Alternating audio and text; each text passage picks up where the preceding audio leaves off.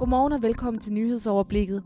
Det er tirsdag den 3. marts og dermed også Super Tuesday i USA, hvor en stor del af de amerikanske delstater afholder primærvalg. Inden vi dykker nærmere ned i det, skal vi først se på de seneste nyheder fra ind- og udland. Mit navn er Grit Larsen. Vi begynder med den seneste udvikling efter coronavirus har ramt herhjemme. Udenrigsministeriet fraråder nemlig nu alle ikke nødvendige rejser til fire regioner i det nordlige Italien, som er de hårdest ramte coronaområder i Europa. To af de forløbige fire ramte danskere menes at være blevet smittet efter en skiferie i netop det nordlige Italien. Derfor anbefaler sundhedsmyndighederne fortsat, at hvis man er kommet hjem fra en af de ramte regioner i Norditalien, så skal man være ekstra opmærksom på, om man udvikler influenza-lignende sygdomssymptomer inden for 14 dage, lyder det. I Israel erklærer premierminister Benjamin Netanyahu sejr efter mandagens parlamentsvalg i Israel. Netanyahu siger natten til tirsdag ifølge nyhedsbureauet AFP, at valget har overgået alle forventninger. Netanyahus konservative Likud-parti står til at få flest mandater i Israels parlament ifølge flere valgstedsmålinger. Med det forløbige antal er Likud tæt på at kunne danne en konservativ regeringskoalition efter en hård valgkamp, lyder det. Det er rent sabelrassel, når regeringen siger, at de kan lukke grænsen, hvis der kommer flygtninge i samme mængder som i 2015. Sådan lyder det for flere migrationseksperter, der vurderer, at det vil være imod loven, det skriver Kristelig Dagblad. Udlændinge- og integrationsminister Mathias Tesfaye har ellers sagt, at han er klar til at afvise asylansøgere ved grænsen til Tyskland, hvis situationen eskalerer. Der kan nemlig være mange flygtninge på vej hertil på grund af en voldsom militæroffensiv i Syrien. Er ekstraordinært mange flygtet til Tyrkiet, og her har og her har regeringen på trods af aftale med EU om det modsatte nu åbnet grænsen mod Grækenland og Europa. Herfra vender vi blikket mod USA. Der kaldes dagen i dag for Super Tuesday, da en stor del af de amerikanske delstater afholder primærvalg. Det leder op til demokraternes konvent til sommer, hvor partiets endelige præsidentkandidat vælges. Mens den republikanske præsident Donald Trump går efter genvalg på posten, så spidser kampen om at blive demokraternes kandidat til. Den ellers så fremadstående Pete Buttigieg trak sig i går og opfordrede i stedet til at stå sammen om partiet, uanset hvem der ender som kandidater. Men natten til tirsdag dansk tid peger han altså nu på Joe Biden. Men Pete Buttigieg exit kan også være et godt strategisk træk. Det vurderer professor i forfatningsret ved Aarhus Universitet, Jørgen Albæk Jensen. Han har vel realistisk set ingen chance for selv at blive valgt, og det så gør det måske også, at han på en eller anden måde opnår en eller anden status som den, der gerne vil ofre sig for partiet, og dermed måske på længere sigt kan fremme sine egne interesser.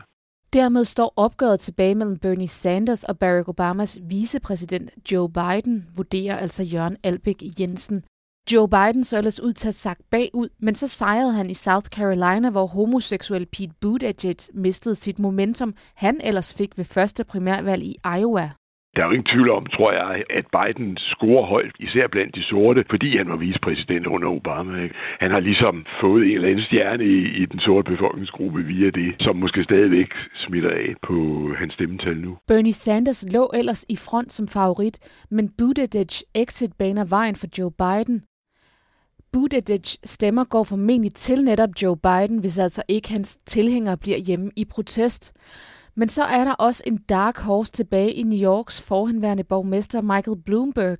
Han har klaret sig udmærket i meningsmålingerne, men står knap så skarpt i tv-duellerne. Bloomberg kommer på stemmesedlen for første gang til Super Tuesday, så han har altså endnu ikke været i vælgernes vægtskål endnu. Alligevel vurderer Jørgen Albæk Jensen, at demokraternes præsidentkandidat skal findes mellem Joe Biden eller Bernie Sanders, med en lille fordel til Sanders. Det, der adskiller Biden og Sanders, er sygesikringen. Sanders ønsker en offentlig sygesikring, som gælder for alle, og et forbud mod at tegne en privat sygesikring. Modsat Biden, som vil give det frie valg til amerikanerne. Uanset hvem der ender som demokraternes kandidat, skal alle partiets vælgere stemme sammen om vedkommende uagtet fløjforskellene. Ellers får demokraterne umådeligt svært ved at vriste det hvide hus for republikanerne. Det var det, der gik galt, da Hillary Clinton tabte præsidentposten til Trump for fire år siden. Det vurderer Jørgen Albæk Jensen.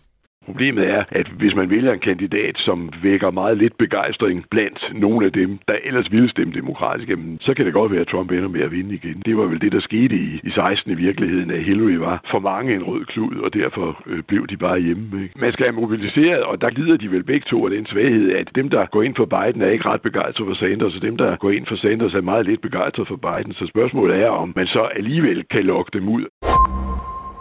Senere i dag indleder Københavns byret sagen mod en formodet seriemorder.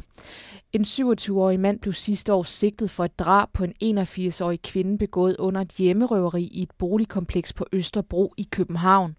Sagen viste sig siden at være om en endnu mere modbydeligt, da pårørende og beboere gjorde politiet opmærksom på andre mistænkelige dødsfald op til drabet på den 81-årige kvinde. Efterforskningen førte senere til tiltale for to yderligere drab. Det ene begået mod en 80-årig mand, det andet begået på en 81-årig kvinde. Kendes manden skyldig anbefaler Retslægerådet, at han idømmes forvaring. En almindelig fængselsdom vil ikke være tilstrækkelig til at afværge den fare, som den 27-årige udgør i forhold til andre, mener Retslægerådet. Ifølge erklæringen er manden svært afvigende og har psykopatiske træk. Han er tidligere dømt for farlig vold, drabsforsøg og for voldtægt. Også dengang anbefalede retslægerådet forvaring frem for almindelig fængselsstraf, men højesteret idømte ham i stedet syv års fængsel, dengang på baggrund af mandens lave alder. Der ventes at falde dom i den nuværende sag 13. maj.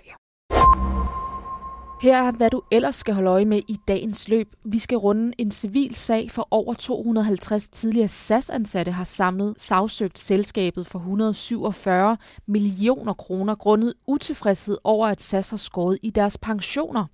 De ansatte tabte sagen i byretten, men ankede efterfølgende til Østre Landsret. Og så er det også i dag, at fodboldlandsholdet er i bowlen, når der trækkes lod til Nations League. Vi slutter med et blik på vejret mest skydet med stedvis regn, men i løbet af eftermiddagen klarer det op i den sydvestlige del af landet. Temperatur mellem 5 og 8 grader lunest mod sydvest og svag til jævn vind mellem sydøst og sydvest. Du lyttede til nyhedsoverblikket tirsdag den 3. marts. Mit navn er Grit Larsen. God dag.